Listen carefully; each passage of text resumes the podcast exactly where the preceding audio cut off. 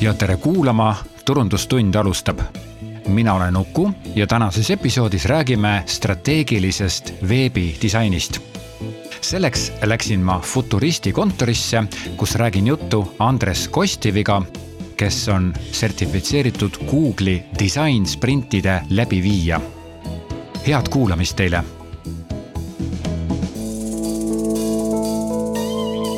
tere, Andres. Tervist. räägime siis sellest äh, veebide tegemisest ja, ja rõhk on just nimelt strateegilisel veebidisainil. Äh, miks seda veebi üldse nagu vaja läheb mm -hmm. ja, ja millest algab veebi tegemine? jah, et võtame siis kohe küsimuse kaheks, kaheks jupiks lahti, et võtta kõigepealt siis, miks, miks üldse veeb või miks seda üldse vaja läheb, et äh, veeb on üks esimesi asju, mis, kui inimesed midagi guugeldavad üldiselt, siis nad satuvad äh, mingit sorti veebilehtedele.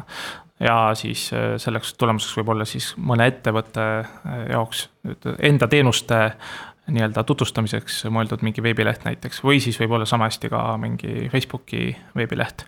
või isegi praegult, mis on nagu trendikamaks saanud, on sul ka mingisugune Google Business Profile'i veebileht ehk siis neid veebilehti võib sealt nagu erinevaid välja tulla ja, ja küsimus ongi see, et kuhu sina kui teenusejuht tahad, et äh, inimesed satuks. et nad sinu toote või teenusega siis tutvuks ja teeks mingi järgmise sammu. Äh, ja noh, teine ots on siis, äh, ega Google ainult nagu mingitest nagu veebilehtede otsitulemusest ei koosne, samamoodi sa üleval vajutad klõpsti, otsid hoopis piltide kaupa. ja siis, siis hakkad mõtlema, et oot, aga Äh, näiteks ma otsin näiteks sõna teenuse disain ja, ja siis, äh, ja siis äkki leian mingeid pilte, kus äh, ma ei tea, Uku räägib teenuse disainist ja mingil konverentsil ja veib kätega ja, ja see pilt on nagu korralikult nagu faili nimi on teenuse disaini konteksti mm -hmm. pandud ja veel pimedate vaegnägijatele alt tag'iga rõhutatud.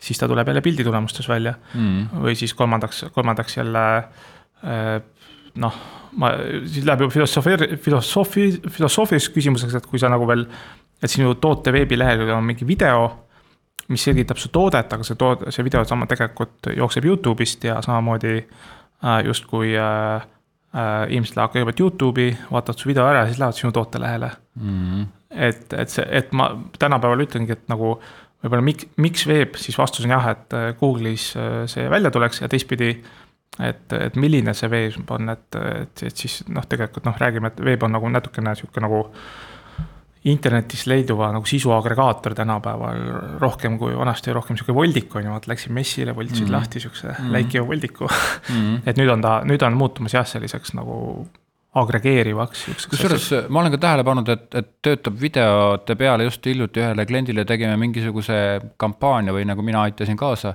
ja siis Google'i äh, analüütiksi tulemusi vaadates ja päris palju tuli nagu videost, tulid mm -hmm. inimesi veebi et see on päris, aga sa mainisid oma jutu sees seda mm, mm Google'i profile. Business profile'i. Business profile, kas, kas lihtsalt võib-olla kuulajat huvitab, et nagu kui tähtis see on või kas tasub teha? Äh, see on hetkel, ma ütlen, rämedalt tähtis, sellepärast et äh, äh no ma ei tea, kunagi ma läksin tööle sihukese noore nagana ja siis mul oli mingi sihuke õpetuse tarkus nagu ülemuselt, kes oli nagu mentor ka ja siis. siis ma tegin seal mingisugust ka nagu, ma ei tea, noh, ma ei tea, oli nagu ikka sihuke natuke uljaspea või niimoodi ja siis, siis ta nagu, ta märkus oli mulle, et jälgi, jälgi ennast enne kui teised sind jälgima hakkavad, on ju, siis nagu.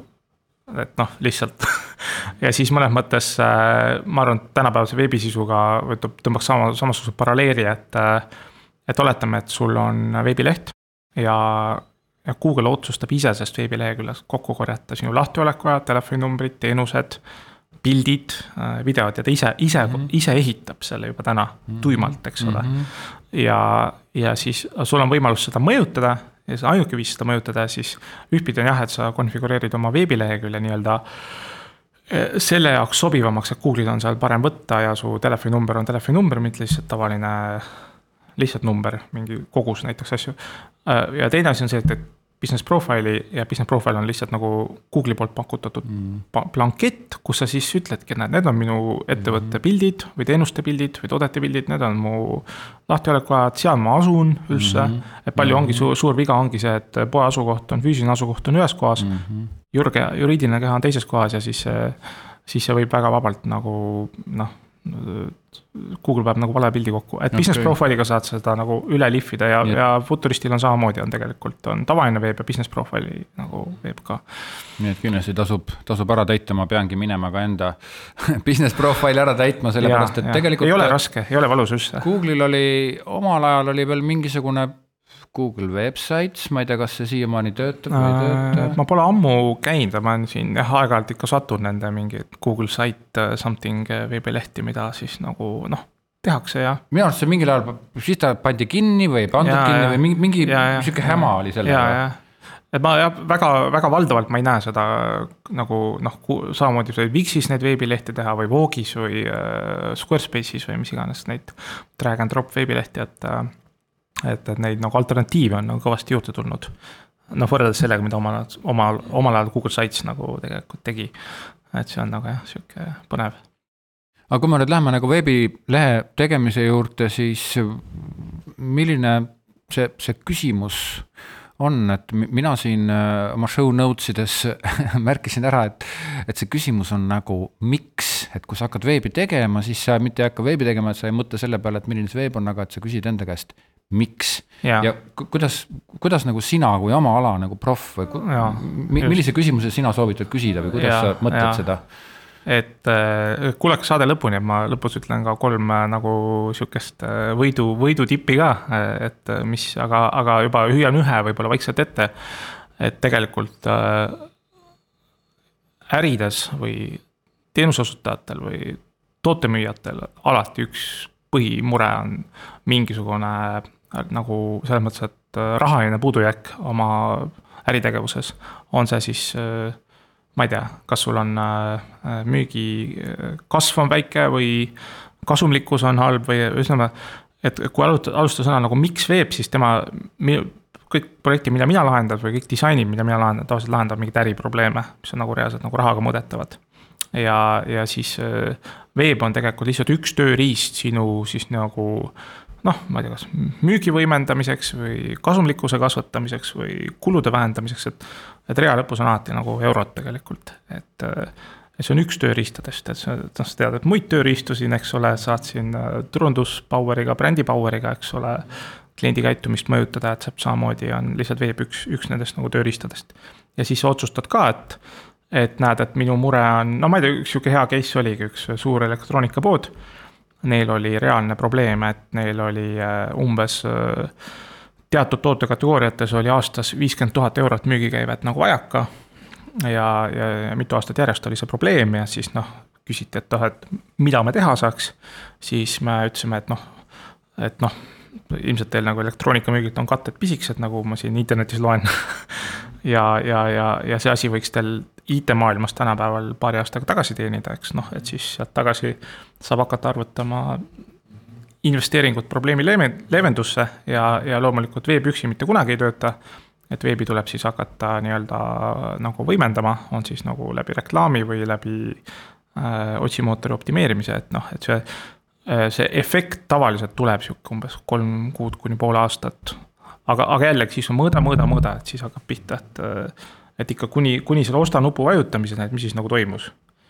et, äh, et aga, seda saab selgitada. aga ikkagi mm, äh, tuleme selle, selle inimese juurde, kes tegelikult, äh, ütleme ettevõtja juurde jah, kes tegelikult nüüd seda veebilehte hakkab tegema, hakkab planeerima, ta teab, et tal on vaja, mm, et, et mm, nagu millise küs- või noh, kuidas ta, kuidas tema lahendab selle küsimuse, et miks tal seda täpselt vaja on, kas see, kas see äriline eesmärk võib-olla igal ettevõttel ei ole nii selge, et noh, et meil on viiskümmend tuhat eurot aastas vajaka, et, et kuidas noh, müügikäivet on näiteks vajaka, näiteks mm -hmm. noh, meil lihtsalt rida ütlebki, et müügikäivet on puudu, on ju. kuskohast ta seda probleemi otsima hakkab? ta ikkagi, ma, ma pole mitte kunagi väga sattunud ühe kliendi otsa, kes hommikul ärkab üles ja ütleb, et ma vajan uut veebilehte oma firmale. et tavaliselt on siis ikka, isegi mina, isegi Futurist äh, vajab täna uut veebilehte endale, aga selle uue veebilehekülje nagu lähteülesanne ja kontseptualiseerimine võib mõnikord nagu aega võtta, siis nimetatakse siis eelproduktsiooniks või ettevalmistuseks või kutsu kuidas tahad, on ju. see on natuke ülemõtlemine ka võib-olla või? ja, ja täpselt, et see kingsep ja kingad, eks ole aga, aga noh, alati, alati võiks nagu tahta, aga siis jälle mina nagu vaatan, et okei okay,, et minu veebileht on ka tegelikult üks kolmandik on võib-olla nii-öelda klassikalises mõttes Äh, müügiflyer, äh, mis siis nagu kutsub midagi tegema või noh, vaata mu töid või ma ei tea, võta ühendust. ja kaks kolmandikku on tegelikult äh, sisu agregeerimine, Futurist teeb nagu, nagu fantastilisi blogisid ja ka podcast'e, kasvuminutid saadet ja. ja tegelikult siis ta noh, mõnes mõttes tullakse hoopis sinna veebileheküljele läbi blogi või läbi podcast'i või mm -hmm. hoopis teist, teist teed pidi. aga, aga üks aspekt on ka nagu see, et, et mitte mõtelda võib-olla niimoodi, et, et miks seda vaja on või, või kuhu, millisesse ärisuunda meil seda vaja on, sest tavaline ettevõtja ütleb nii, et aga meil on igal pool vaja, meil on, meil on kõiki asju vaja promoda, et tegelikult võib-olla mm, peaks mõtlema hoopis niimoodi, et, et aga mida inimene sealt saab et äh, see on nüüd see UX, tead, räägi äkki, äkki korra selle hästi selgeks, ma, mina olen neid sõnu väga palju kuulnud, eks ja, ole. aga Pas, ma arvan, et äkki mõni ei tea, mis ja, see ja. UX ja UI ja, on. Lihtsalt... haibi sõnad, eks ole et on olemas isegi automudel Lexus UX, ma avastasin, et äh, täitsa müügil, kes huvi, huvi tunneb. aga UX hakkab siis sõnast inglise keeles user experience ehk siis otsetõlge eesti keelde oleks siis äh, kasutajakogemus. eks mina olen siis jah UX disainer ja, ja teistpidi. ja, ja teine asi, mis siis väga palju kõrvalt tihti läbi jookseb, on UI. ja UI on siis nagu kasutajaliides, et siis kasutajaliides põhimõtteliselt on noh, lihtsalt. noh, sul võib olla see visuaalne või heli või mingi nupp, eks ole, noh, mingisugune inimene interakteerub tehnikaga, kas siis veebilehekülje kaudu või äpi kaudu ja siis äh, mõlema jaoks on omad äh, tööriistad, omad sellised äh, mallid, templiidid, mida kasutatakse, et UX on rohkem selline siis. UX-i, UX-i fookus on tavaliselt kiirprototüüpimine. ja võimalikult vara selle kiirprototüüpimise testimine lõppkasutajatega. et vara ja odavalt teada saada, et asi ei tööta. sa oled juba ära programmeerid selle, ma ei tea, kakskümmend või kolmkümmend tuhat eurot hiljem. ja siis sa programmeeritud asja hakkad katsetama, siis sa tead, et ei tööta.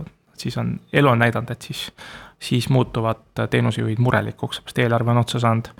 aga kiirprototüüpimise tavaliselt saab mingi noh, ütleme ma ei tea, viis, viis, viis kuni kümme korda soodsamalt nagu ära teha ja varem teada saada. ja, ja ui poole peal, noh, teame kõike pigem sellist ilu ja stilistikat tänapäeval, ehk siis. et, et seal, seal on nii fondid kui ka värvid ja kontrastid ja kõik siuksed asjad ja tegelikult ka ligipääsetavus äh,. minu vaates tänapäeval, mina, mina sätiks selle ui kasti, et, et, et see on sihuke ka hästi oluline mm. -hmm ma ütlen siia hästi spetsiifilise asja, just viimati eh, endal ühes veebis eh, asendasin kõik JPG pildid, asendasin siis sellise laiendiga nagu Webm. Webm, Webm ja. selgus, et vanemate brauseritega see asi ei avane mitte ainult siis PC mm., vaid ka eh, meie kuulus ja kallis Apple ei ja. suuda seda avada, et selles mõttes see on ligipääsetavus, eks ole. Lähed lehele, vaatad, pilti ei ole. Ahah, see on nagu UI jah jah, et ma, no minu, minu jaoks. User, user interface'i viga järelikult. põhimõtteliselt küll jah, et, et mina interakteerun tehnikaga, et siis põhimõtteliselt äh, jah. Human machine user interface siis ütleme siis nagu läheme seitsmekümnendatele ISO standarditesse, kus siis juba tehti kirurgidele ja lennukipilootidele ja igasuguste muudel missioonikriitiliste ametid tegelikult on ISO standardid seitsmekümnendatest juba et, et human machine interaction'ist hakkab nagu pihta, et sealt on see UI nagu tulnud ja siis võtnud kaasa hästi kõvasti stilistilist mõjutust. nii heas kui halvas, et on ka noh, jah, on hästi palju ilusaid asju, mis on tehtud, mis tegelikult lihtsalt ei tööta, inimesed ei saa aru. täpselt ja, ja ma ise olen ka ennast, ma olen väga, väga oma, oma elus olnud väga kriitiline ja ma olen ka samas vaadanud enda veebi selle pilguga nagu värske pilguga, kui sa tükk aega omaenda veebis pole käinud ja vaadake uhu.ee siis tuled tagasi, vaatad, et damn, pagan, kuidas, kuidas, kuidas ma seda nagu kohe ei näinud, aga et, et siin ongi nagu küsimus selles, et disaineril tekib see nii-öelda pimendus, pime-, pimedus, et ma, ma ise ei näe enam neid probleeme. ja see on muideks reklaaminduses, nii palju kui ma olen reklaaminduses igal pool, eks ole, on seesama kohati. selle jaoks oli sul väga hea tore, tore kolleeg reklaaminduses, oli art director yeah.. ehk siis ära kunagi jäta loovinimest üksi disainima, et alati peab keegi olema, kellega mõtteid põrgatada, kes ka on äh, nii-öelda sama, sama nagu suuna peal, et siis tavaliselt tuleb nagu head nahka, et kui sa üksi jääd disainima, et siis on siis on ohtlik kusjuures äh, ma vaatasin seda upgrade poodi ja, ja ma ei leidnud sealt endale midagi sobivat seadet, mida ma oleks tahtnud osta. Äh, aga mm, tähendab nüüd, nüüd võiks öelda, et see oli ju negatiivne kogemus, tegelikult ei olnud. tegelikult ma suutsin need kategooriad sealt kõik läbi vaadata ja ma sinu neid show notes'e läbi töötades enne selle episoodi salvestamist. ma just nimelt nagu leidsingi seda, et, et aga, aga ma kammisin selle kõik läbi ju suhteliselt kergesti, nii et. see midagi oli, mis nagu võib-olla, mul ei tulegi hetkel meelde, aga jällegi juba see, et ma jõudsin selle vastuseni, ahaa, siin seda ei ole. Mhm. tegelikult see on ju, ju väga suur samm, eks ole.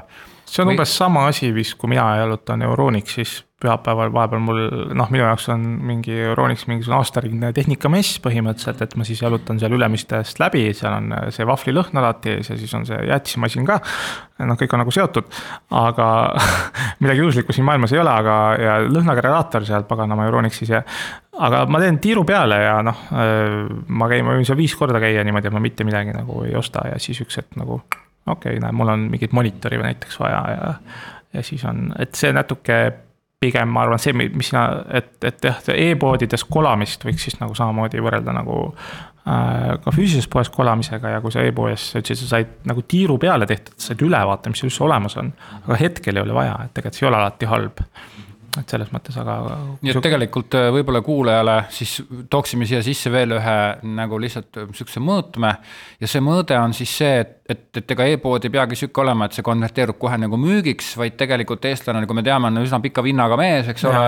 või naine. kaalub ja, ja. ja vaatab ja tegelikult, kui seal poes, kui sinu e-poes, hea äh, kuulaja, on hea kolada, kui sinu mm -hmm. teenuste lehel on hea kolada, hea mõnus käia, juba tegelikult siis on see pool võitu juba käes. ja ma arvan küll jah, et ma samamoodi siin äh, abikaasaga käib ka kuskil poes, ta käib mingi kolm, kolm tundi mööda mingisuguseid äh, riietepoode ja, ja siis ütles, et ah oh,, ülevaade on teha peal, ma ei vaja mitte midagi, mul on kõik olemas, noh, näed täpselt, noh e. e-poes ilmselt sama asi on ju. jah mm,, äh, jällegi võin nagu vastu põrgatada oma, oma naise sihukest kasutajakogemust, et noh, et mul on tavaliselt niimoodi, et, et noh, et ma, ma ei tea, kustkohast neid, ma ei tea, aknaid või mingisugust värvi või asja saab, siis on nagu kusagil kümme minutit on vaikus sihuke. klahvi, klahvi, klahvipuru lendab, eks ole. ja siis peale seda on mul nagu kõik selge, tuleb kusagil kümneminutine ettekanne, naine teab täpselt, eks ole, aga noh, jällegi see on meeste ja naiste erinevus, et, et tegelikult naistele, naised on hästi põhjalikud, mehed on võib-olla natuke siuksed pinnapealsemad. et jällegi, kui me läheme tagasi selle veebi tegemise juurde, tundub, et me läksime teemast kõrvale, tegelikult ei läinud, et inimesed ju sirvivad veebi, siis tegelikkuses tuleb arvestada ka sellega, et milline on see sihtgrupp, kes mm, jällegi ja kuidas sihtgrupp, kuidas sihtgrupp nagu ennast nii defineerib ja kui palju ta seda erinevat täpset informatsiooni öö, vajab sa oled siin jah, ära märkinud show notes ides äh, HTML H1 pealkiri, ma kohe, ma kohe kibelen nagu küsima, et mm, -hmm. et, et nagu sa H1 nagu, H3 nagu ei ole enam üldse teema või et H1. ja, ja no ütleme jah, et, et, et väga lihtne asi, et näiteks kui sul on e-pood ja sul on tootekategooria, noh, sa müüd siis näiteks muruniidukeid ja, ja, ja gaasigrille siis näiteks tinglikult, praegu on suvehooaeg. ja, ja siis sul on mingi gaasigrill ja siis sa avad see gaasigrilli, et see on nüüd noh, see tooteleht ja sa saad osta, et siis noh nüüd see, see gaasigrilli nimetus võiks olla siis seal veebileheküljel ikkagi reaalselt nagu H1-na, siis ta on nagu guugeldamise mõttes kõige parem. ja, ja teine asi, mida siis kohe Google'i nii-öelda robotikesed nagu otsivad, on siis ja esimest nagu äh, paragrahvi, mis on kasuliku sisuga. ehk siis nemad, nemad otsivad siis äh, noh, kohe sealt peaks olema, et äh, noh, esiteks eesti keeles. ja väga palju, ma, ma arvan, siin kolmandik e-poode on ikka mõnusalt ikka ingliskeelsete tootetekstidega. ma siin, siin-seal komistan otsa, et täitsa üllatus. ja, ja siis äh, jah, ja miks mitte ka näiteks, et äh, kui teil ei ole nagu ressurssi seda kõike asja inglise keelde tõlkida, siis noh, kasvõi millegi pärast tehke siis esimene lõik nagu äh, näiteks eesti keeles äh, noh paragrahvis B-täheg on siis, B-tag'ikene on siis nagu HTML koodis.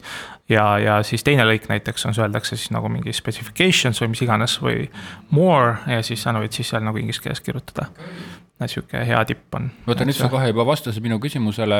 ma ka just mingisuguses e-poe, e-poes käin oma seda tehnikakola vaatamas ja, ja, ja nagu no käin, olengi see tüüpiline eestlane, eks ole, vaatab, käib kaheksakümmend korda ennem. ja seal ongi, üks jutt on eesti keeles alguses ja pärast tuleb specification on nagu inglise keeles, et nüüd, nüüd ma saan aru, miks see nii on et tegelikult äh, e-poodnikele ongi võib-olla siis ka see nõuanne, et kui sa ei, tõesti ei jaksa ära tõlkida absoluutselt kõike seda ja kirjutada ilusaks, et siis tegelikult väga hea mm -hmm. nõuanne Andrese poolt, et kirjuta see esimene lõik nagu eesti keeles ja maakeeli. jah, mingi kolm-neli-viis lauset, et äh, mis see on, kuidas töötab mm, -hmm. mis kasu see on mm. -hmm. ja, ja ongi, ongi kõik, jah see, see on nagu väga, väga selline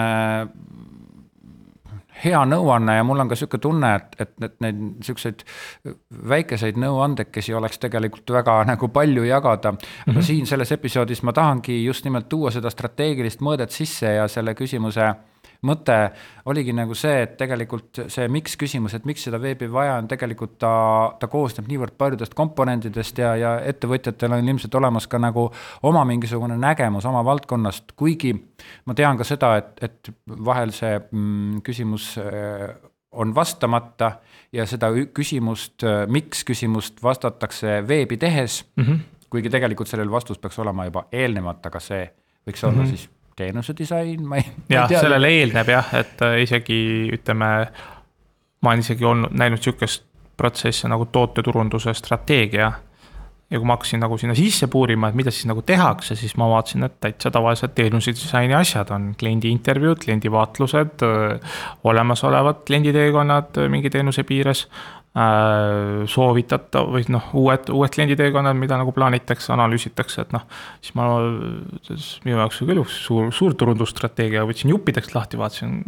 enamus on teenuse disaini komponendid, et heal lapsel nagu palju nime, aga noh, jällegi teenuse disain. minu jaoks koosneb ka sihukest nagu, ta on nagu lauamängude hunnik, et siin on nagu tsirkus, Alias, Reis ümber maailma, Monopol et sa võtad siis sealt teenusdisaini tööriistakastist mingi lauamängu, teed selle workshopi ära, sul on mingi tulemus. ja tavaliselt siis nagu sama probleemi pihta on hea nagu teenusdisainis mitut erinevat lauamängu mängida. ehk siis aru saada, et kas äh, lahendamise hüpotees on, on samasse suunda, kui erinevate inimestega erinevaid lauamänge mängida, kuid samas on sama probleemi pihta. kas see, kas see on mingi see teema, mida sa oma disainis, Google'i disain sprintsides ka nagu puudutad või? Äh, see on jah, et Google disaini sprindid on tegelikult äh, sündinud ju ka teenuse disaini tööriistadest ja disaini mõtlemise filosoofiast, mis laiemas plaanis ikkagi ju räägib sellest, et, äh, et, et sul on mingi reaalne noh, äriprobleem näiteks, noh, no ütleme siis veebileht on puudu puudu näiteks nagu tootel ei eksisteeri veebilehte, võiks olla aga täna ei ole näiteks. ja ta on näiteks, toode on hinnakirjas lihtsalt, aga tal ei ole veebilehte. et siis, et siis nagu sealt täpselt samamoodi, et disaini mõtlemisest okei okay,, et sa kohe alguses peaksid kuidagi oma kliente vaatlema, intervjueerima.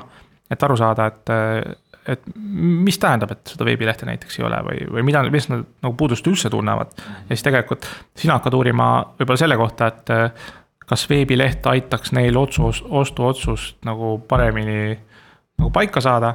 aga selle intervjuu käigus tuleb kümme muud asja välja, mis siis nagu on nagu, nagu öeldakse, nagu pärlid või noh, sellised, mis annavad sulle vihjeid äh,. ma ei tea, juurtemüügiprotsessile, ristmüügiprotsessile, kordusmüügiprotsessile, neid protsesse on päris palju. ja, ja sealt edasi jah, disainmõtlemine ikkagi eeldab, et sa teed siis vaatlusworkshop'id, sa teed ajurünnakud ja siis sa prototüübid lahenduse ja siis uuesti äh, noh, korjad tagasiside.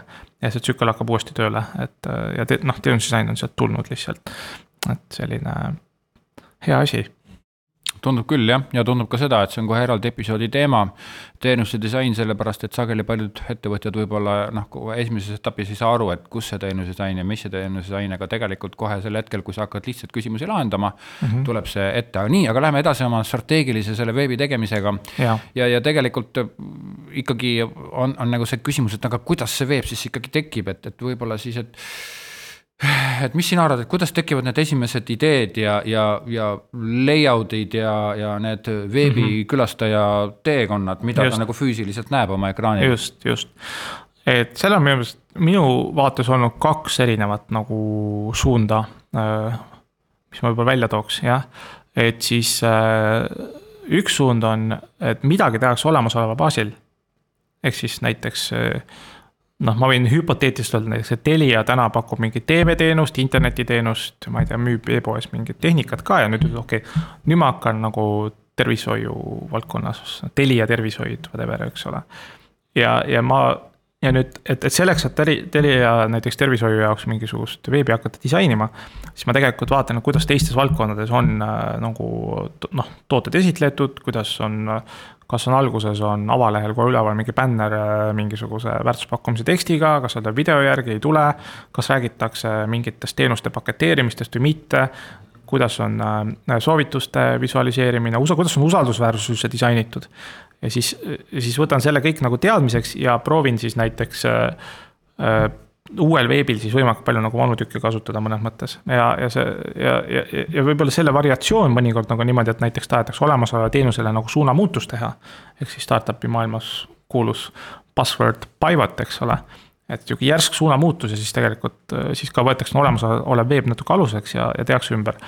nüüd äh, see raskem asi tuleb tavaliselt nagu täitsa tühjalt kohalt täitsa uue asja tegemine. ja siis ma hakkan nüüd mõtlema, et, äh, et tegelikult kui me räägime täna sellisest flyer tüüpi veebist, et noh, et äh, mis on meie väärtuspakkumine, tehtud tööd, ma ei tea, meid soovitatakse, osta minult nagu mingit toodet või teenust. noh, et siis selline asi ju tegelikult täna on veebile need templiidid laias plaanis olemas, et sa paned, ütleme äh,. Äh, ütled näiteks tootelehe struktuur, paned Google'isse product page structure kaks tuhat kakskümmend kaks ka, äkki ta mis nagu trendikamad, product page structure ja tihti tuleb siis mingisugused Quora või mingisuguseid nagu. või WikiHow või mingisuguseid asju, on ju, ja tegelikult neid uuendatakse kogu aeg ja tegelikult, et see tootelehe struktuur kui selline ei ole nagu mingisugune mm, mida, midagi nagu alati ja see on sel lihtsal põhjusel, et Google on selle nii paika loksunud, nagu seda peaks enam-vähem olema. et sul peaks tulema kohe nagu hash ühena see väärtuspakkumine mm sul peaks äh, see põhimõtteliselt jah, sealt edasi peaks tulema kohe mingisugune tekstilõik, mis selgitab, et mis see on, mis kasu see on ja, ja kutsub ostma, eks ole. ja, ja sealt edasi on siis noh, kõik, mida üldiselt tehakse, ongi, et mida kallim on toode, siis on äh, oluline disainida siis äh, usaldusväärsust. et ma lähen mingit täiesti mingit suvakast poest endale nüüd viiesaja eurost gaasigrilli ostma. siis ma mõtlen, et oot-oot-oot, aga nüüd viissada euro kannan üle pangalink, saan see gaasigrilli kätte üldse või näiteks noh.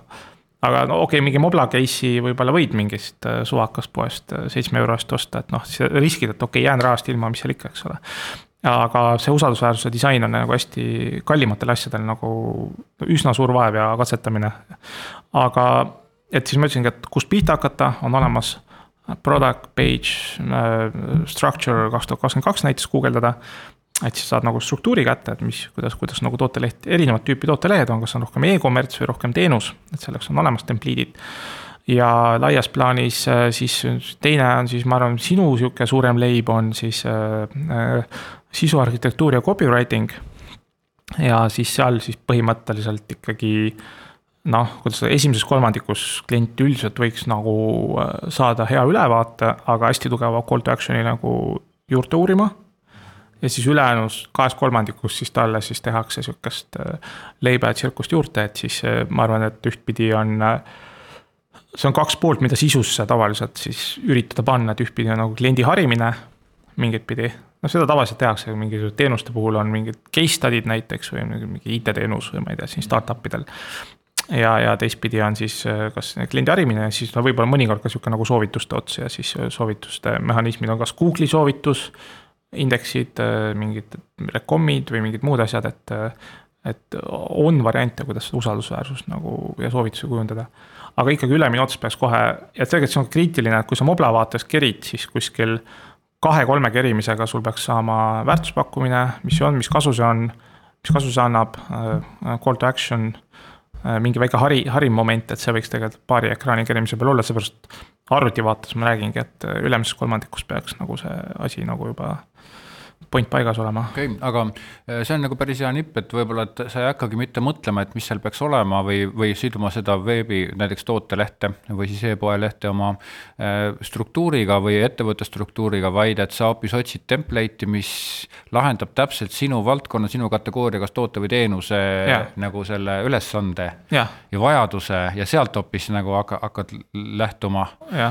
oma selles äh, kuidas selle, kuidas see layout siis tekib, just, ja, ja ma rõhutakski kuulajatele, et, et ma ei räägi tegelikult äh, disaini template'ist, mida väga, oo, võtame mingi WordPressi template'i, teeme template'i veebi, võtame WooCommerce'i e-poe, võtame mingi template'i, template'i, et tegelikult ma räägin, et, äh, et ikkagi on äh, noh, teksti kujul nagu noh, bullet itena või siis äh, listidena nagu öelda, mis järjekorras mingid asjad peaks nagu olema. ja, ja siis see struktuur on tegelikult tähtis ja siis see visualiseerimine, see on noh disainerid tegelevad kompositsioonide loomisega, äh, kõigepealt üritavad midagi disainida, mis neile meeldivad alustuseks. siis testida inimeste peal, kas nad saavad aru, ei saa aru, siis kompositsiooni nagu ümber sättida. et see on nagu faas kaks nagu kindlasti aga nüüd mul ikka kibeleb üks küsimus, et ma olen ise ka olnud sihukeste väikeste, väiksemõõduliste veebide tegija üsna mitmel korral ja väga erinevates mm, nii-öelda rollides selles protsessis, et ja tavaliselt tekib see küsimus, et mis sinna, mis seal esilehel ikka peaks olema mm? -hmm. Mis, mis sina arvad, Andres, mis seal esilehel siis olema peab? see peab olema, ma käisin just Elvise filmi kinos vaatamas ja seal oli see Elvise mänedžer tema nagu kolonel Tom, et tema nagu suurim sihuke püüe oli, et tema tahtis nagu kõige suurimat show'd maailmas kuidagi nagu leida, leida, otsis, käis mööda maailma ringi või mööda Ameerikat, et leida kõige paremat show'd, siis nägi Elvist laval ja siis ta sai nagu kõige alguses sai aru, et see, see on nüüd kõige parem show. ja siis äh, minul on, minul on väga lihtne küsimus ka avalehel, et äh, mis, mis on nagu kasutaja jaoks mingi väga hea show ja ja põhimõtteliselt seal on siis äh, võib-olla siis niimoodi, et äh, okei okay, alusta, alustamegi baasasjadest, ta guugeldab midagi, satub mu, su veebile, tal tekkis huvi. ja kui ta nüüd näeb, et äh, hoopis täiesti teist asja pakutakse seal ja siis ta laseb seal jalga, mida me tänapäeval teame Google Analytics siis bounce rate'ina, ehk siis kui seal kolmandik inimesi jääb paar minutit su veebil nagu uudistama, et see on üldiselt hästi, aga kui seal kui seal jah, see suure, suurem hunnik nagu ikkagi jalga laseb, et siis, siis ilmselt on halvasti. ja nüüd küsimus ongi see, et see, et ta sinna püsima nüüd jääks natukeseks, et siis ma peaks hakkama nüüd neid noh, mingit meelelahutust pakkuma, on see siis esiteks kas mingi visuaalne, mingi väike video, mida vaadata, et ta seal nagu, et mida teha selleks, et ta seal püsiks natukene ja, ja teistpidi, mida ka see teha, et ta saaks mingi kasuliku info kätte. et see on natuke, ma arvan, sihuke loov, loov asi, aga üldiselt, kui ma vaatan täna selliseid nagu startup'ide lehti, et mis tegelikult on üsna sihuke tavaline asi, mida nagu tehakse, siis ikka sul on punkt üks, on mingi pilt. pildi peal on väärtuspakkumine nii-öelda hash ühena, ehk siis meie aitame tralala oma toote-teenusega sind selle ja sellega. ja ja siis sealt edasi järgmises lõigus üldiselt tuleb see paragrahvina siis väärtuspakkumise lahti selgitamine, aga seal on minu meelest väga suur mäekõrgune vahe, ma arvan, see on ilmselt sinu valdkond. kas see on tehtud äh, sellise lõbusa tekstina või see on tehtud mingisugune juriidiline tekst, äh, mida tavaliselt. ma olen nii palju näinud, kuidas on teenusejuhid on väga-väga äri, äri, äri ja siis see väga äri, äri, äri on tihti väga-väga lepingud, lepingud, lepingud. ja siis nemad nagu halvas, arvavad, et kui nemad siis oma nii-öelda lepingu või noh, mingi ärijutuna oma teenuse lahti selgitavad, millest nemad saavad väga hästi aru, neil on nagu kõik super loogiline hinneviis. ja see läheb nagu äh, testid kolme kasutaja peal ja siis, siis no see on lihtne test tegelikult, see on avaleht, vaata, vaata veebi, ma ei tea, minut või kaks, pane tühi brauseri tab ja siis küsidki, et noh, et mis sul meelde jäi, mis oli väärtuslik. ja kui ta seda suure higi ja vaevaga kokku kirjutatud äh, väärtuspakkumise paragrahvi sisu nagu pointi nagu ära ei räägi, siis noh, siis ongi äh, mööda tuleb ümber kirjutada. täitsa nõus ma olen seda ka mitmel korral näinud ja, ja võib-olla see on ka tavaline, ütleme see inim, inimese loomuses, et siis ta võib-olla pabistab nii väga või tal on niisugune vastutusrikas tunne, et ta tahaks seda teksti võimalikult korrektseks panna. aga tegelikult siin sa tõid väga hea sellise metafoori eh, selle Elvise show näol. ja see mõte mulle väga meeldis näiteks Cecilia puhul, et et see, peakski olema nagu maailma kõige parem show, see muidugi jätab hästi palju otsi lahti, aga jällegi et, et, et, et tegelikult selline ülesande püstitus on tunduvalt, annab tunduvalt suuremad äh, plaanid, jah, tõepoolest, kui võib-olla müügijuht enne, õhtu enne magama minekut loeb siis Riigi Teatajat, siis mm -hmm. loomulikult tema tekstid tulevad siuksed. juriidiliselt on kõik korras, on ju, aga tegelikult mitte keegi mitte midagi aru ei saa ja et see, sellest on, sellest on väga kahju. Ja teisipidi jälle ei soovita mina ka, ütleme, reklaamiinimesena hakata, kui sa ei ole reklaami tegija, sina hea kuulaja või kes sa tahad omale veebi teha, et noh, et millised mõtted, millised tekstid peaks olema, et et, et siis soovitan nagu mitte üritada m, nagu pakkuda mingit väga mahlakat reklaamteksti, sest tavaliselt sellisel puhul, kui sa ei ole Mm, reklaame teinud, reklaamiteksti kirjutanud, siis ma ei soovita. sest nad, nad kukuvad siuksed, võivad kukkuda siuksed lapsikud välja või siuksed, võib-olla natuke mööda, et see, see soovitan ikkagi pöörduda copywriter ite poole, kes suudavad ja mina muideks ei ole copywriter. tuli välja. ja, et, et kui sa võrdled minu ametit, siis mina olen loovjuht ja kui sa võtad, kes, aga mis, aga mis sa teed, kui sa loovjuht oled, et siis loovjuhti võib võrrelda siis orkestris dirigendiga, et ega dirigent nagu ütleme, Vivaldi kevade Mm, dirigeerimise ajal ei jookse ju siis esimese viiuli juurde ja hakka seda mängima, et see esimene viiul on nüüd copywriter. aga dirigendi asi on siis nagu see kõik nagu kooslus, kooslus koos hoida ja väga vale arvamus on, et copy, copywriter võiks nagu, copywriter võib saada loovjuhiks, aga loovjuht oma protsessis ei tohi mitte mingil juhul hüpata timpani juurde ja lüüa seda, eks ole, ehk siis ja. teha mingit kuigi ta võib seda osata. nii et, et minu ülesanne on alati nii-öelda seda tervikut koos hoida ja, ja see on hoopis hoopis teist laadi ülesanne. aga tegelikult. nagu ja... filmides kunstiline juht äh,. kunstiline juht on hoopis teine asi jälle ah,. okei okay., no siis produtsent. disainer, produtsent on ka teine asi. Okay. no produtsent on jah, võib-olla kunstiline, ütleme loovjuht ja produtsent on, on nagu midagi sinnapoole. midagi sinnapoole jah, aga jällegi alati on protsessides see, et on, on, on olemas inimesi, kes oskavad ühte asja väga hästi ja tavaliselt veebide tegemisel võib-olla kuulajal on ka taoline koht tulnud, et võetakse üks spetsialist ja siis võetakse teine spetsialist aga tegelikult see tervik kuidagi nagu kukub logisema, sellepärast et nad ei suuda mõtelda seda asja kokku, et näiteks väga hea tekstikirjutaja äh,. siinsamas Turundustunni episoodis olnud ka Tiina Nuum, kes väga toredasti ja praegu me teemegi temaga täiesti, ma ei tea, kas spontaanselt või kuidagi ühe kliendiga koostööd. kes ta, kus ta kirjutab tekste, tõesti väga nauditav on vaadata ikka päris siukse professionaalse tekstikirjutaja tekste. väga äge et aga keegi peab olema, kes seda kõike nagu koos hoiab kõik no. nii strateegiliselt kui stilistiliselt, et võib-olla see on siis. siis nagu filmilavast. jah. sinnapoole. midagi sinnapoole jah. just, just, okei okay.. jah, et, et äh, filmi, filmitegija, aga. loovjuht, loovprotsessi lavastaja. filmidest tuli juttu, siis tegelikult palju õnne, sinul ja. tuli just äsja äh, äh, sinu esimene premeer. filmi nimi oligi. Crush Crush, nagu purustamine ja armumine, et mõlemat pidi saab lugeda, Eesti sihuke noort, noorte släng, et crush ib mm -hmm. kedagi.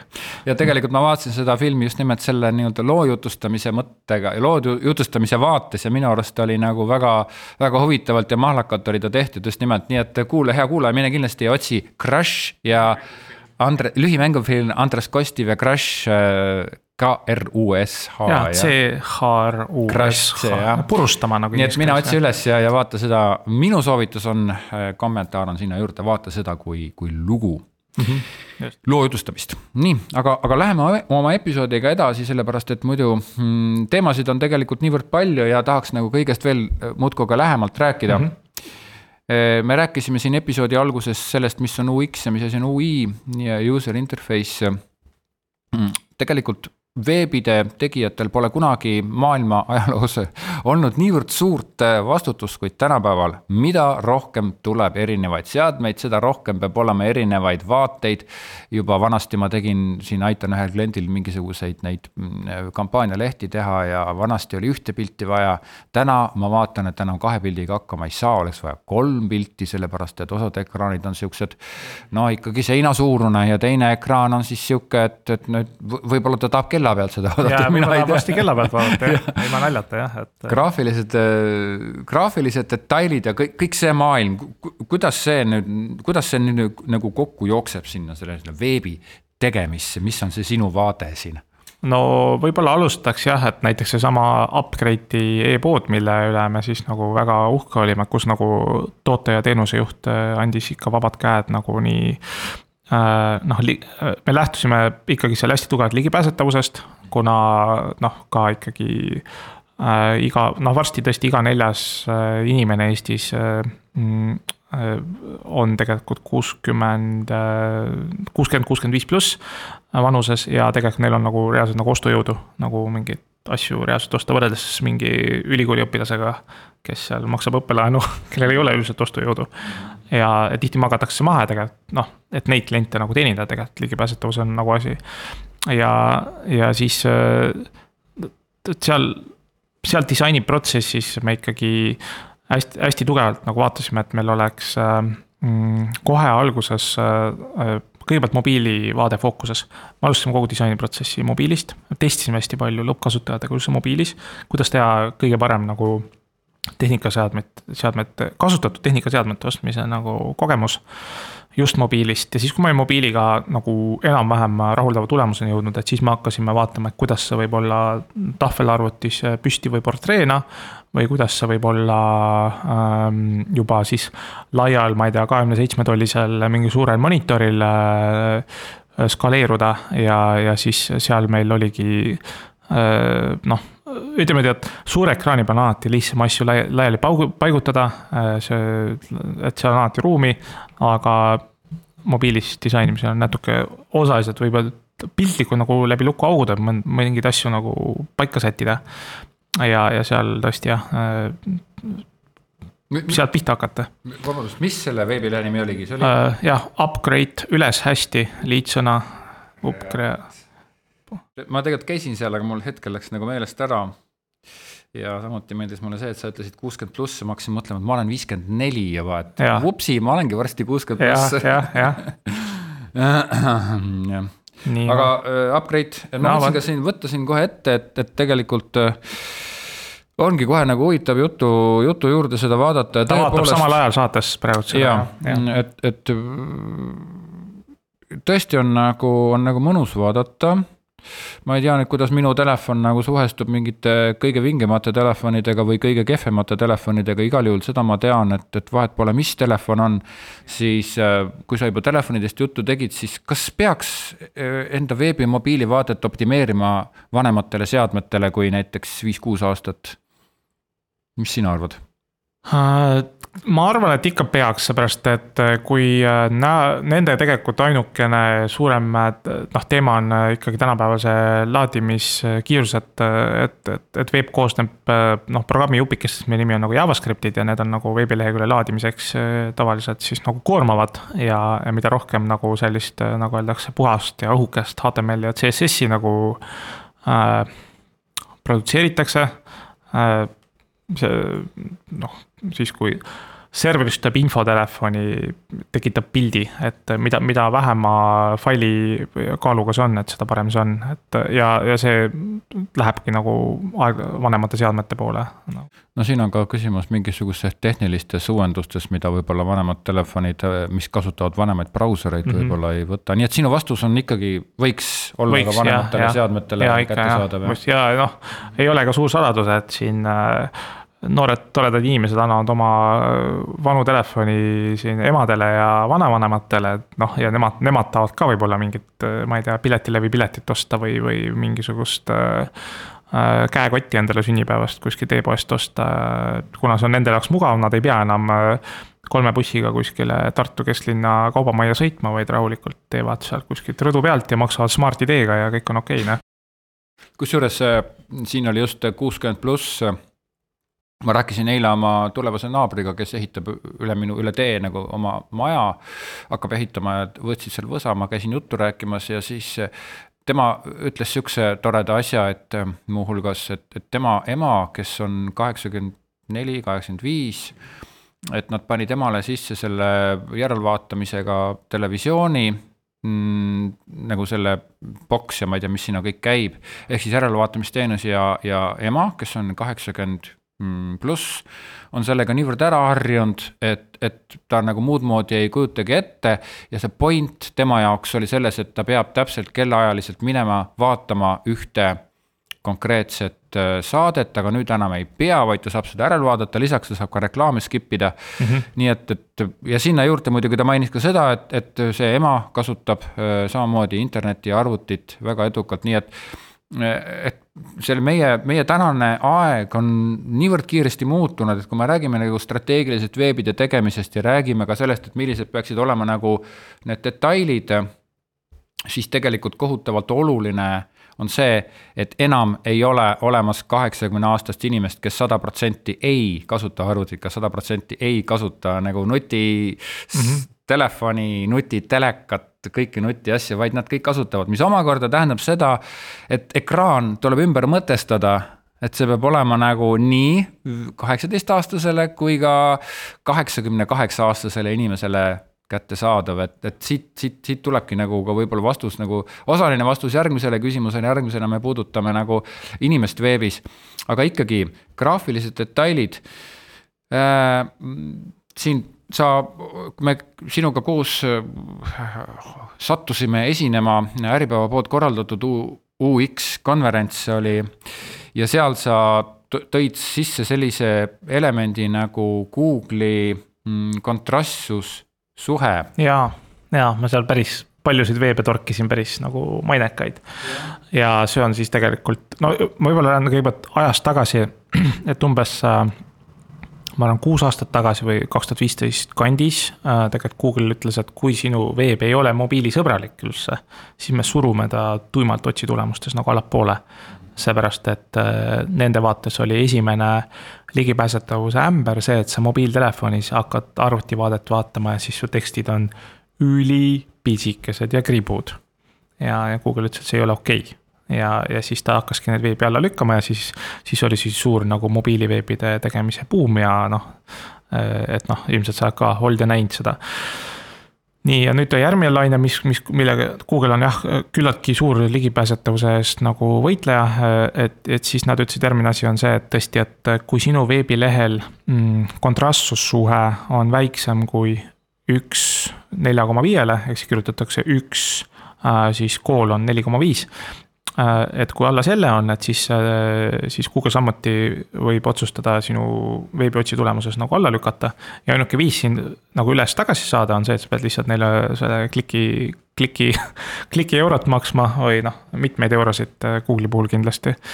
ja, ja noh, siin, siin tõesti väga lihtne nipp on see, et nii Google Chrome'is brauseris kui ka Edge'is, kui vajutada paremast hiire nuppu, on inspect tools ja seal on üks sihuke roheline nooleke paremal üleval. ja sellega saab inspekteerida oma veebielemente.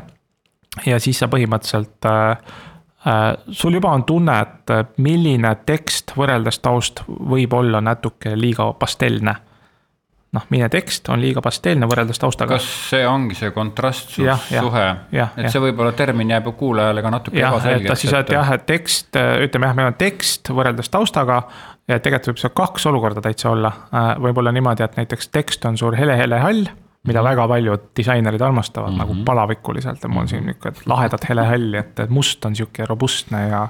ma ei tea, kole tökat nagu tõrv.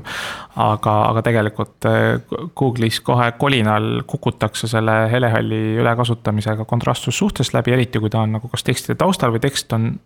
tekst on helehall ja valge tausta peal, klassikaline viga.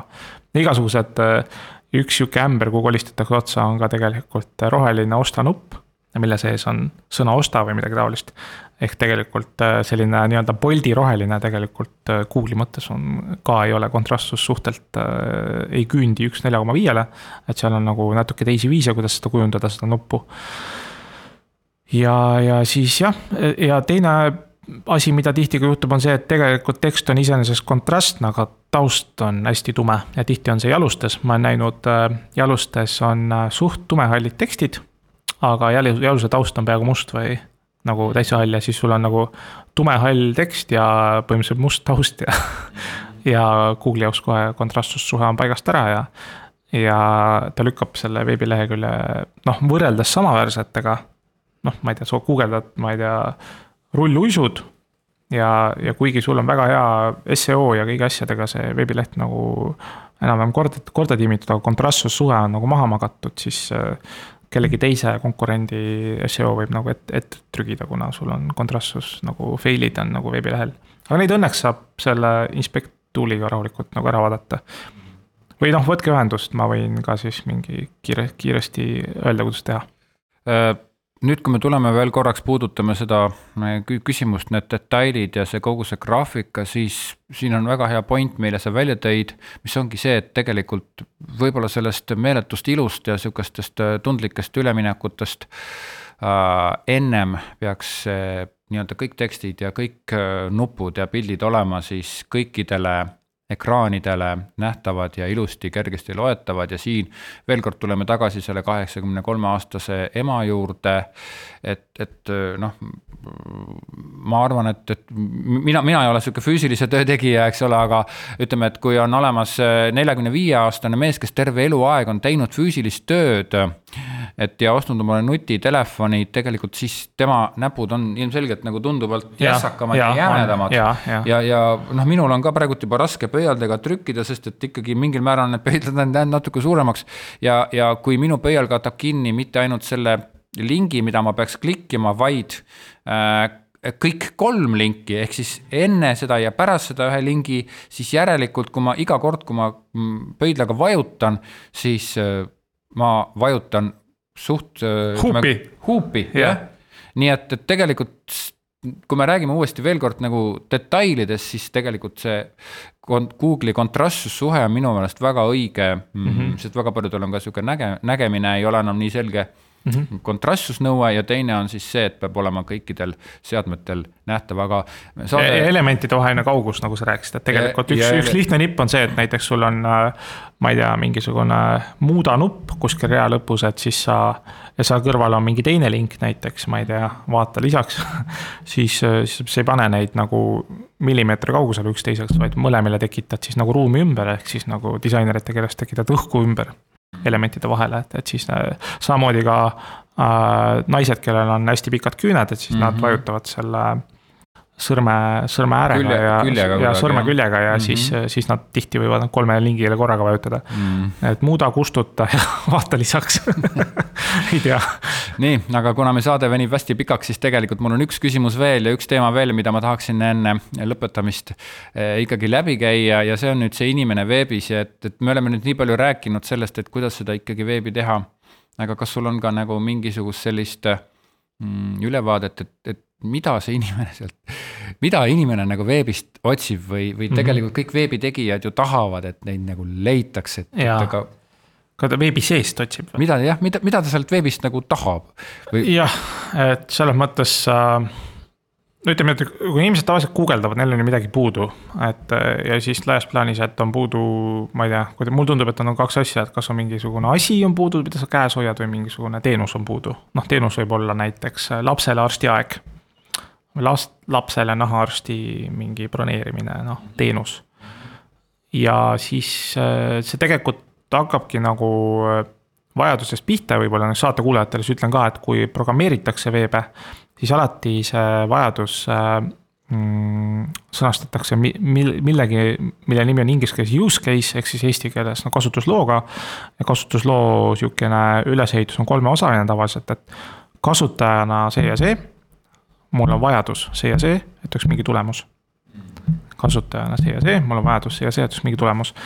ja, ja siis ükskõik, mis veebi ma, ükskõik kui kallist, ükskõik kui keerulist, ükskõik kui et, et, et alati see disain peab nagu sellele küsimusele siis nagu mingi, mingi vastuse andma. ja see on loov protsess, siin loov, loovjuht on ju et kuidas see siis kompositsioonina kokku panna ja, ja tegelikult, kui ma ütlen, et näiteks mul on vaja tõesti nahaarsti aega lapsele ja guugeldad ja, ja, ja siis tegelikult sa tahaksid leida veebilehekülje, kus on nahaarstid, kus saab broneerida, kus on kalender, sa saad kinnituse saada, et see on, aeg on nagu olemas näiteks. Või on teistpidi, et sul on, see on nagu teenuse ots või noh, ütleme, sul on mingit toodet vaja, et sul on mingisugune muruseemet vaja, sul unustasid seal külvata või midagi ja, ja, ja siis, siis okei okay,, lähed okei okay,, muruseeme e, e-pood muruseemned, võrdle muruseemneid, see on selline muru, see on pikem muru, see on lastele mängimiseks. ostukorvi tahaks, tahaks lihtsalt ära osta ja maksta, ma ei taha kontot teha. ma ei taha uudiskirjaga liikuda, ma ei taha neid cookie bännerites seal oma aega veeta ja nuputada, et kuhu ma peaks siis vajutama, et mind välistatakse mingisuguse äh, muruseemnete tagaajamisega läbi üle kõigi Facebooki wifi feed'ide järgmisel neljal kuul et, äh, et noh, et nagu mõlemal juhul, mõlema näite, mis ma tõin, tegelikult inimene tahab oma noh, selles väärtuspakkumise disainis on sihukene jobs to be done, JPD. Äh, et jobs to be done ehk siis ta, tema tahab oma mingi äh, noh, mingi, tema tahab omaenda ülesande nagu ära täita, et on siis broneerida nahaarsti aeg lapsele või ma ei tea, muruseemet e-poest osta, et ta lihtsalt leida kiiresti, osta kiiresti ära, kõik, eluga edasi minna. keegi ei taha seal. ja minu meelest see on väga suur vaev, mis sa saate alguses rääkisidki, et, et ühtpidi ma tulen mingisse mõnusasse e-poodi ja nagu uurin seal ringi. täna mul ei ole midagi vaja, et sihuke hea, hea tunne jääb, et sihuke mõnus mm -hmm. koht on konditsioneeritud e-pood, sihuke mõnus, mugav mm, -hmm. lõhnab hästi. ja siis, kui on vaja, siis sa tuled sinna tagasi teed selle ostu ja, ja täpselt samamoodi, aga siis kui tagasi tulles teedki plaksti kiiresti seda ostu juba mm -hmm. guugeldadki, ütledki mm -hmm. upgrade mm, -hmm. kasutatud iPhone seitse, enter veebilehele, nupule, paar klikki veel. ja siis, ja noh e, e-poe checkout loomulikult äh, on, enamik e-poodidel on seal ikkagi sihuke pilla-palla. ja suurem jama ongi olnud see, mulle tundub, et on võetud ikkagi need e-poodide templiidid. ja usaldatud, et see on nüüd hea asi aga e-poodide templiidiloojatel on tegelikult olnud äh, sihukene mugavustsoon, et paneme võimalikult palju välju, et, äh, et kataks kõik kliendi vajadused ja siis need kliendid panevadki need kõik väljad ja siis check-out on tegelikult keeruline. kohutavalt keeruline. mulle tegelikult väga meeldis see, mis sa mängu, mängu, mängu, episoodi alguses rääkisid nendest erinevatest mängudest, et, et üks on nagu ümber maailma, teine on võib-olla monopol, et, et tegelikult selle kliendi teekonna leidmine Äh, ja selle kliendi teekonna üle otsustamine, see, see tundub mulle nagu väga põnev ja see tegelikult sobib täpselt see ka vastuseks, osaliseks vastuseks sellele meie teemale, et mida see inimene veebist otsib ja ja aga tegelikult mm, tõmbame selle episoodi nagu kokku, me oleme siin niivõrd palju rääkinud, tundub, et kõike juttu siis täna ei saa ära Peab rääkida. kunagi jätkuka tegema. peamegi jätkuka ikka tegema. Äh, aga ikkagi, et anname sellele veebitegijale, sellele ettevõtjale, kes tahab omale veebi teha, anname talle nüüd sinu poolt siis kolm sellist kuulikindlat ja lihtsat nõuannet. et, et kuidas, mida silmas pidada, kui sa oma veebilehte teed mm, -hmm. mis sa, mis sa pakud, mis need oleks? jah, et see võiduretsept on siis, mida mina räägin, ma ei tea, kes siis nagu teavad nagu Pareto reeglit, et siis no mingi kakskümmend protsenti valimit annab või kakskümmend protsenti tegevusi annavad kaheksakümmend protsenti efekti. et siis need on, need on nagu minu, minu Pareto, et, et mis nagu veebiprojekti juures alati nagu edu toovad. siis ongi see, et esiteks, et tee, esimene, tee selgeks selge, selge ärivajadus ja pane selle probleemile mingi hinnalipik külge. on siis nagu noh, ma ütlesin, kas on käibe puudumine, ma ei tea, kulud on suured, klienditeenindus on koormatud või kõike saab kuni palgani välja rehkendada. et alati on mingi hinnalipik ja sellest hästi teadlik olla. siis teine nagu võiduretsept on testi siis olemasolevat veebi või uut veebi siis selle disaini siis lõppkasutajate peal enne programmeerimist et olemasolevat või uut. ja miks olemasolevat, et mõlema, mõnikord olemasoleval on äh, mingid head tükid, mis töötavad. ja neid ei ole alati, alati tark nagu prügikasti visata ja uuesti kõik disainida, vaid võtta kaasa need asjad, mis töötavad. ja disainida mingid asjad paremaks, mis võib-olla ei tööta. ja kui sa tühja koha pealt hakkad, noh siis ma saate keskel juba nagu rääkisin, kust inspiratsiooni saab. ja kolmas siis, mis on hästi oluline, mis täiega minu meelest maha magatakse jätkusuutlikkuse mõttes, et kui veeb on siis ära disainitud ära programmeeritud, siis jätkadki nende kasutajateekondade ja mingi otsimootori sõbralikkuse ja muude asjade nagu mõõtmist. ja selleks on siuksed tööriistad nagu Google Analytics, Ahrefs, Hotjar, Matomo ja Google Search Console, mis ma nagu välja hüüaksin buzzword idena Buzzwordid, aga jah, et, et see järelmõõtmine, et see on see, mis nagu tihti on tegemata jäetakse ja siis äh, siis jah, kui seda Lähed, ei tee. veeb on valmis ja nüüd on korras on ju. jah, et nüüd põmm ja läheb, läheb, et töötab, aga ei, nii ei ole, kohe, kohe tuleb kõike hakata mõõtma ja, ja samuti ka seda mõõduprotsessi seadistama kuni alates Facebooki reklaami klikkimisest kuni ostunupu vajutamiseni, et äh, nii ongi.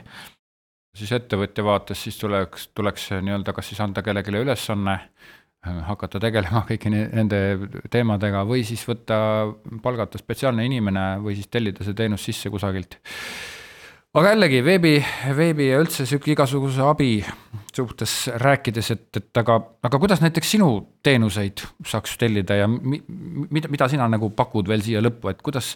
me kuulsime siin tegelikult sinu suust väga palju väga tarku ja selliseid kaasaegseid ja mm -hmm. tulevikku ulatuvaid äh, ideid, et et mina jah, et küsimus, et kuidas ma saan aidata, et mina aitan ettevõtetel siis kiiremini kasvada Google'i disaini sprintide ja ka seo keskse ui UX disainiga, ehk siis seo on siis ots-, guugeldamise sõbralik, otsimootori sõbralik. ja mul meeldib eelkõige disainida suuremaid äriprobleeme äh, koos selliste käega katsutavate, mõõdetavate tulemustega. ja siis, kui mõnel kuulajal on mõni selline väljakutse äh,, siis äh, võtke ühendust ja minu kontakti leiab futurist.ee veebist, kordan siis futurist.ee. ja siis jah, siis räägime nii, sellega tõmbame tänaseks otsad kokku, aitäh, Andres Kostiv saatesse tulemast. aitäh. ja mina olen siis Uku Nurk, äh, turundustunni podcasti tegija ja loovmees, kohtumiseni. kohtumiseni, tšau